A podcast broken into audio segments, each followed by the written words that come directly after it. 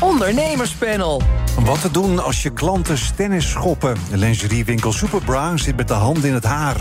En eh, LTO wil niet verder praten over het landbouwakkoord. Wat betekent dat voor boeren? We gaan het allemaal bespreken met, eh, in het ondernemerspanel... met eh, Monique Ansink, topvrouw van de Jumbo Spanbandfabrikant...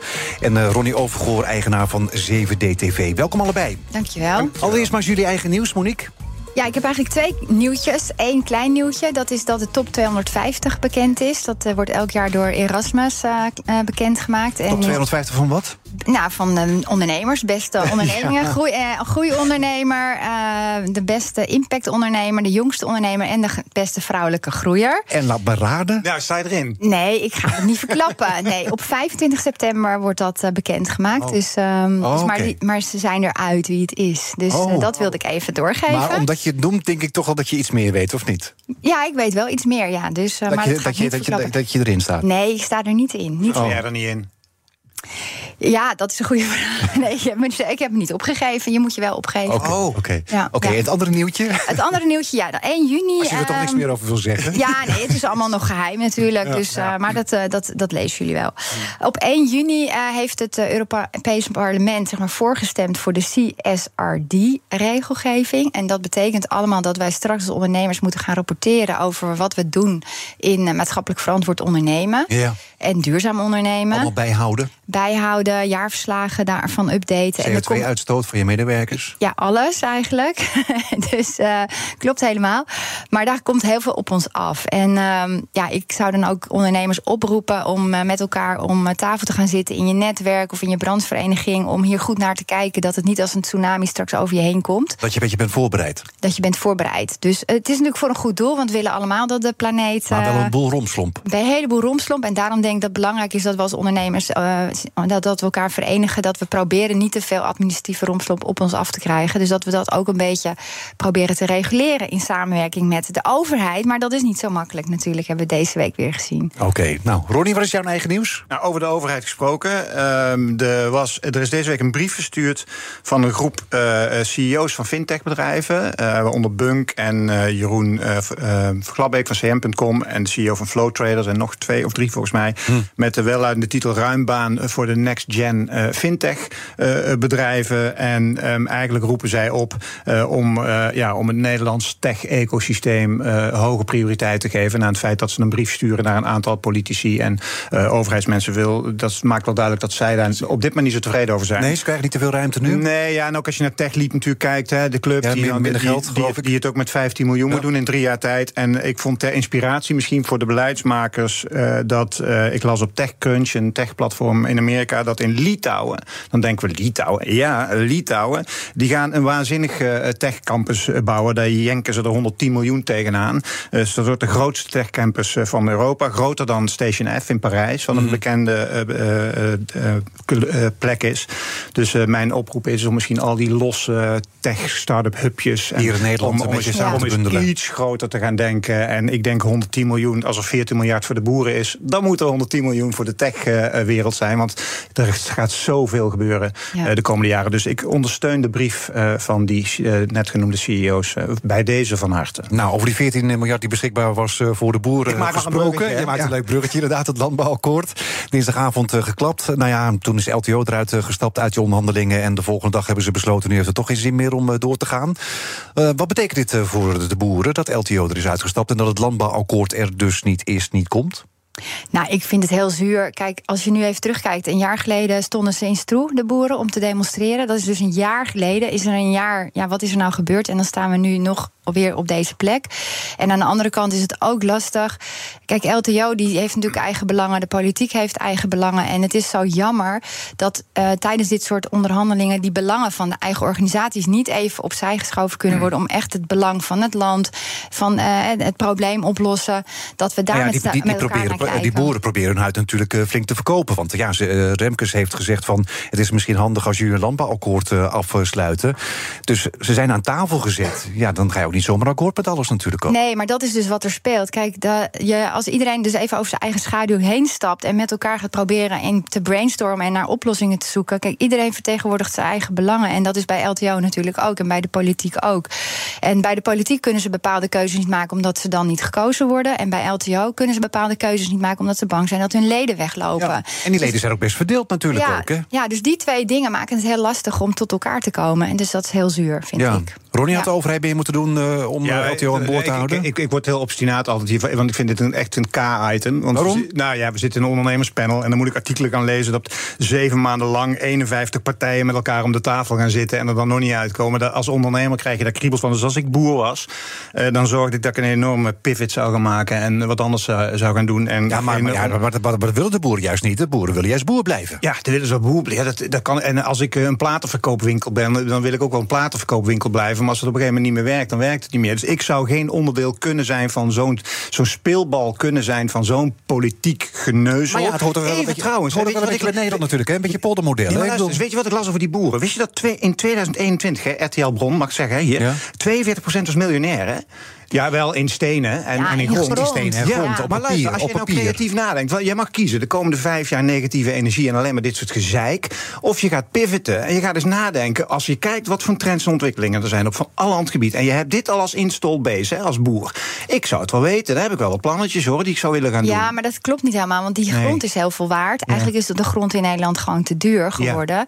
En ja, als, daar, als je daar niet meer mag op boeren, dan wordt die grond gewoon veel minder waard. Dus dat is, ja, het in vermogen lijkt het heel veel op dit moment. Maar als je het niet kan verkopen straks, heb je er ook weer Nee, niet raken zoveel zij die aan. grond aan de straatstenen niet kwijt Nee. in een land als Nederland? Nee. En die- en die boeren die willen natuurlijk ook gewoon perspectief. Hè? En daar was natuurlijk het landbouwakkoord Nee, ook voor bedoeld dat ze perspectief zouden dan- krijgen. Want ze moeten natuurlijk ook al inderdaad vee moeten ze afstoten vanwege de stikstof. We willen weer bouwen, la la la. Nee, maar die En- snap, en- kijk, ik snap ja, dat en je wat dus, moeten de boeren nee, dan maar ik snap dat je, we kennen ook uit de coronatijd natuurlijk, dat de ondernemers werden helemaal kriegel, horeca en zo, dat ze echt niet wisten waar ze aan toe. Er was geen plan, er was geen strategie. Dat dat was dus juist, en die was snap juist ik. het plan Die, snap ik. Die snap. Ik snap het heel goed, maar uiteindelijk zou ik eieren voor mijn geld kiezen. Ja, en boeren zijn ook ondernemers. Maar ja, eieren voor je geld. Oh, je hebt het over eieren. Als die boeren stoppen, hebben we geen eieren meer. Hebben we die geen zijn al heel meer. duur. Die zijn al heel duur. Dus Ja, uiteindelijk maar het... landen- hier belanden dus in de politieke Nee, discussie. maar we moeten toch ook kijken. Wij zijn consument. En de consument heeft hier natuurlijk ook iets in te doen. Want eh, omdat wij zo weinig betalen voor ons eh, voedsel, veel te weinig eigenlijk, eh, komen de boeren dus ook eh, niet uit. En Nee, maar, daarom maar, hebben maar, ze- maar veel mensen zullen al denken van ja, die boodschappen zijn al flink duurder geworden. Moeten die nog duurder Nee, worden? klopt. En dat is ook het politieke dilemma. Dus eh, ja, wij, de boeren hebben op die grond die ze hebben zoveel mogelijk koeien gezet. om zo'n goedkoop mogelijke prijs voor ons als consument te realiseren. Dat moeten wij ons ook. eh, ja, da- dat, daar zijn we onderdeel van. Dus Ja. wij zouden meer moeten betalen. Dan kunnen er minder dieren. En dan eh, hebben de boeren gewoon een normaal inkomen. Ja. Dus daar moeten we met z'n allen iets aan doen. En hoe de politiek dat wil doen. Ja, ze willen de prijs niet verhogen. Want dan gaat natuurlijk niemand gaat op een partij stemmen die zegt de consumentenprijs moet omhoog. Dus dat zal toch via de belasting moeten verdisconteerd worden. Ja. Zou het misschien ook strategisch kunnen zijn van, van LTO om, om, om eruit te stappen? Want ja, ik bedoel, het kabinet eh, wankelt eh, al eh, enigszins. Het CDA en de ChristenUnie, nou, die hebben, zijn meestal wel op de hand van, van, van de boeren. Ik bedoel, Ja. Als het kabinet valt en misschien dat BBB dan de grootste wordt, dan liggen de kaarten misschien wel weer heel anders. Dat klopt. En ik denk ook dat het wel eh, dat, dat, dat deels meespeelt. En daar begon ik mee. Dat dat jammer is dat ze dus niet over hun eigen schaduw heen kunnen stappen. om dat stuk van eigen belang toch maar los te laten in zo'n belangrijke discussie. Dit is voor iedereen belangrijk. Voor Nederland, voor Europa, voor onze, voor onze kinderen en kleinkinderen. Dus ja, waarom dan zo'n politiek belang en een belang van een belangenorganisatie voorop staat, dat vind ik heel erg jammer. Ja. Dus ehm, Maar aan de andere kant kan het misschien ook nog wel zo zijn dat het kabinet nu zelf maatregelen gaat nemen zonder de boeren. Ja, dat is natuurlijk ook niet handig. Want ja, dan weet je niet wat er gaat. eh, wat er, ja, je hebt geen invloed meer op eh, hoe het eh, gaat worden. En je, ze kunnen hun stem nu niet meer laten horen. Dat is heel jammer. Ron- Ronnie, wat Ik ben je stil? Ja, omdat ik dit een politiek item vind en daar voel ik me helemaal niet in thuis. Nee, ja, ik ik bedoel, weet je wel, ik vind het Maar ja, weet je, Ronnie, de boeren zijn ook ondernemers. Ja, Ja. ja. ja, maar dus Net niet. maar- maar- De- maar- boeren- de meeste boeren zijn ondernemers. Als een ondernemer die, bo- die dopt zijn eigen boontjes. Alleen ik snap dat je boos bent dat je kaders wil, wat mag en wat niet mag. Maar dit loopt zo door elkaar heen. Zeg maar, politiek beleid en ondernemerschap. Dat is zoveel. Want hier zitten zoveel haken en ogen aan. Over Ja. het feit dat we te veel eh, exporteren. Over het feit, Ja. weet ik veel wat er allemaal aan vastzit. Dus nogmaals, ik als ondernemer, en daarvoor zit ik hier om eigenwijze mening te geven. Ik, ik ben geen politicus, maar als ik boer was, dan zou ik 90% van mijn energie spenderen om hier uit te komen. Zeg Ja, maar. nou, Onafhankelijk van dit soort ge, ge- gezeik. Maar hoe, hoe zou jij, als jij nou boer was, hè, hoe zou jij hier nou Ik uitkomen? zou pivoten. Ik Nee, zou nee, me- nee, ik- ik- je- ik moet je, moet heel veel, je moet heel veel vee afstoten vanwege de stikstof. Ik zou me opnieuw gaan uitvinden. De boer gaat dan dagvoorzitter worden, denk ik. Ja, nee, maar dat vind ik korte de bocht. Nee, maar luister, ik, ja, maar het is heel klein. Maar ik, ik ben dagvoorzitter. Toen werd het corona, toen was ik niks. Ja. Want toen was mijn agenda dicht. Ja. Dan kan ik gaan, en nogmaals een heel ander verhaal. Want ik snap de emotie van de boeren. Je, je, vindt dat de boeren te veel piepen? Nee, want ik snap absoluut de emotie. Alleen, het is wel zo dat als op een gegeven moment je handel naar de kloten gaat... dan moet je schakelen. Ja. En ik vind, je hebt geen recht op eeuwigdurend succes van je businessmodel. Dat bestaat gewoon niet. Dus als jouw businessmodel onder druk komt te staan... dan kun je gaan zeiken over de oorzaken. En nogmaals, ik, ik snap het complexiteit van alles... maar ik zou gaan pivoten en een andere weg inslaan. Jezus. BNR Nieuwsradio.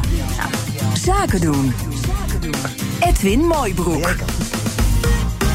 We zitten midden in het ondernemerspanel. Vandaag met eh, Monique Ansink en uh, Ronnie Overgoor. En die is blij dat we naar een ander onderwerp gaan.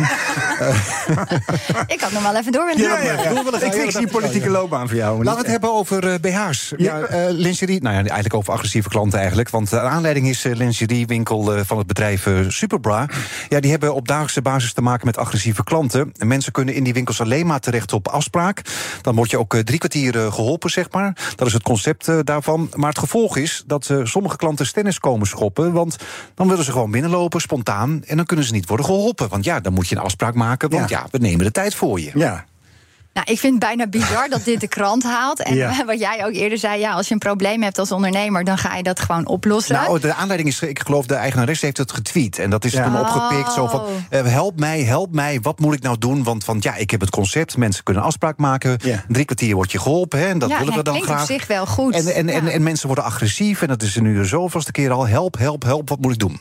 Ik zou, als ik haar was, uh, dan de, de, de weeffout die erin zit. Want jij zegt ze doen alleen op afspraak, dat is het dus niet. je kan er ook binnenlopen. Jawel, maar als het dan druk is, dan het is makkelijk. Nou ja, nee, maar dat werkt überhaupt niet. Want 90% van de collectie die hangt ergens in het magazijn. Dus als ik haar een advies mag geven, is één, ga niet de was buiten hangen en de publiek. En zoals heeft ook een Linda een heel artikel gestaan over dit probleem. Dan denk ik van nou, dat is niet zo slim. Zou ik niet doen als ik jou was.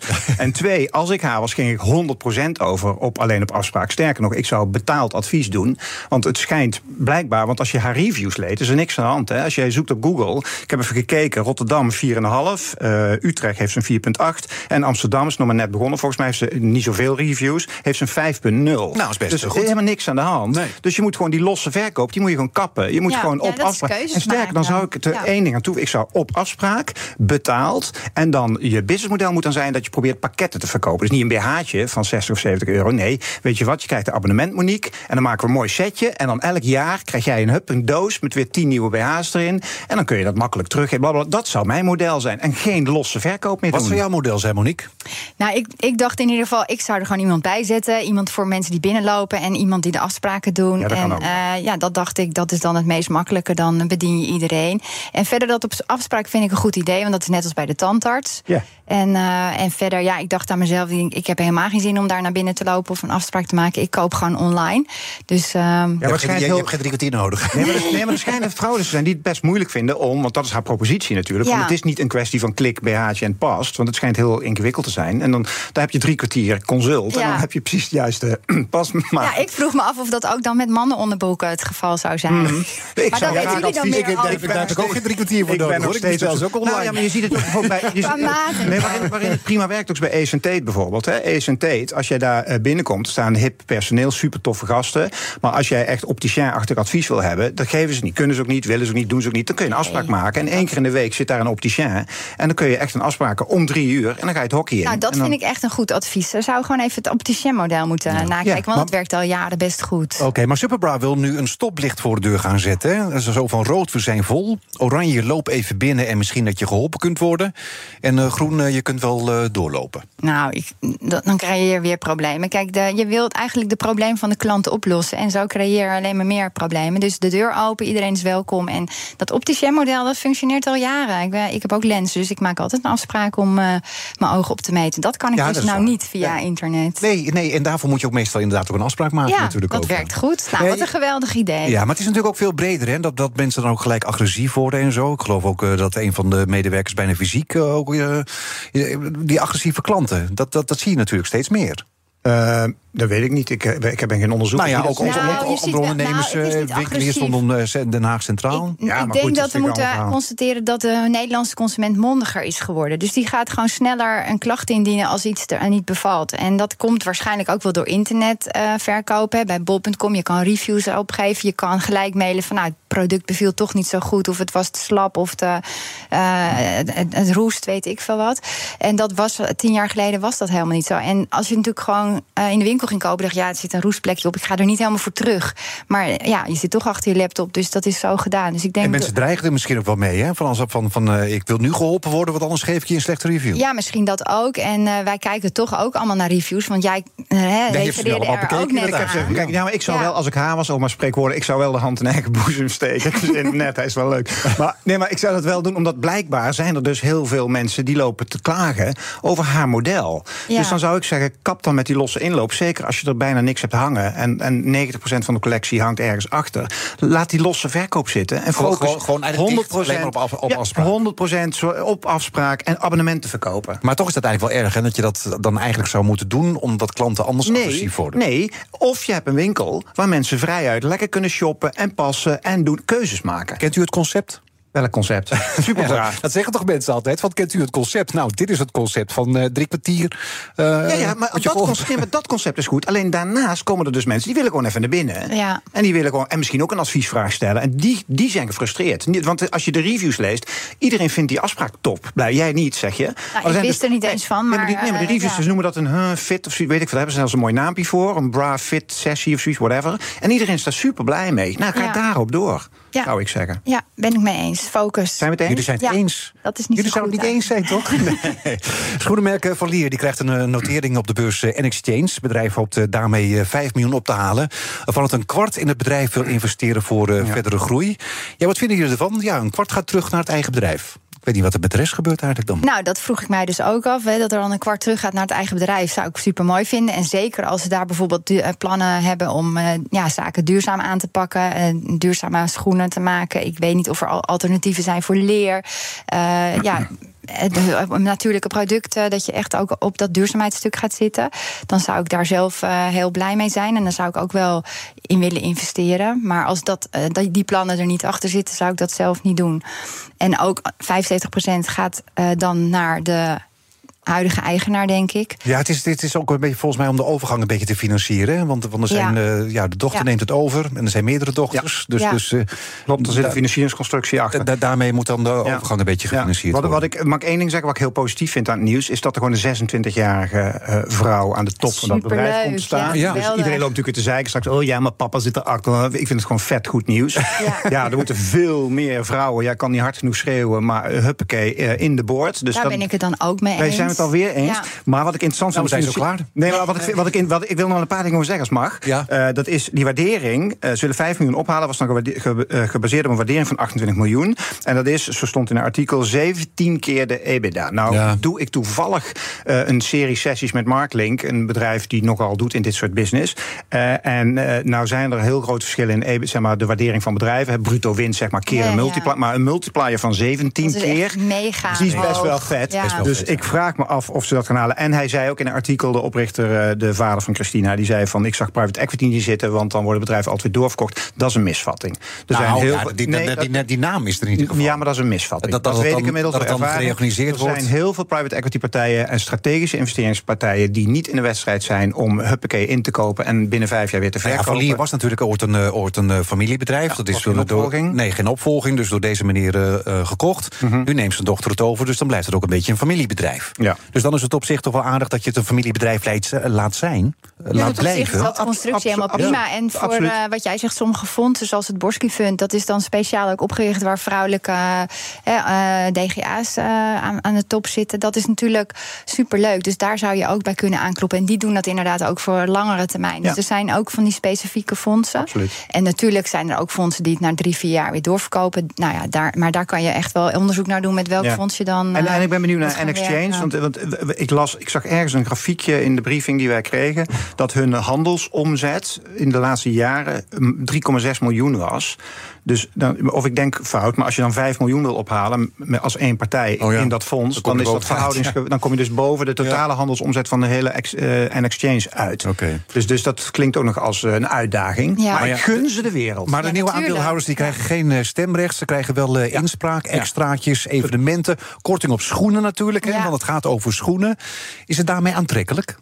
Nou, sowieso, jij zou het sowieso al niet doen, omdat het maar een kwart in het bedrijf nou, gaat. ja, maar- inderdaad, dat vind ik een geen goede verhouding. En als ik hoor 17 keer, dat had ik zelf nog niet gezien, dat vind ik ook te veel. Dat Ja. lijkt me niet eh, logisch. Dus eh, dan zou ik daar niet in investeren. Maar ik, ik moet ook bekennen, ik heb het er dan niet goed genoeg naar gekeken om er echt een goed eh, advies over te geven. Dus dat, dat zal ik hier Nou ook op de radio zeker niet doen. Misschien ook wel dat mensen. Kijk, het is natuurlijk ook een merk wat al heel lang bestaat. Ik bedoel, Ja. sommige mensen die, die, die kopen gewoon een andere kleur de volgende keer. Ja. Dus, dus die blijven bij, bij Valier. Het is misschien ook een beetje het ondersteunen.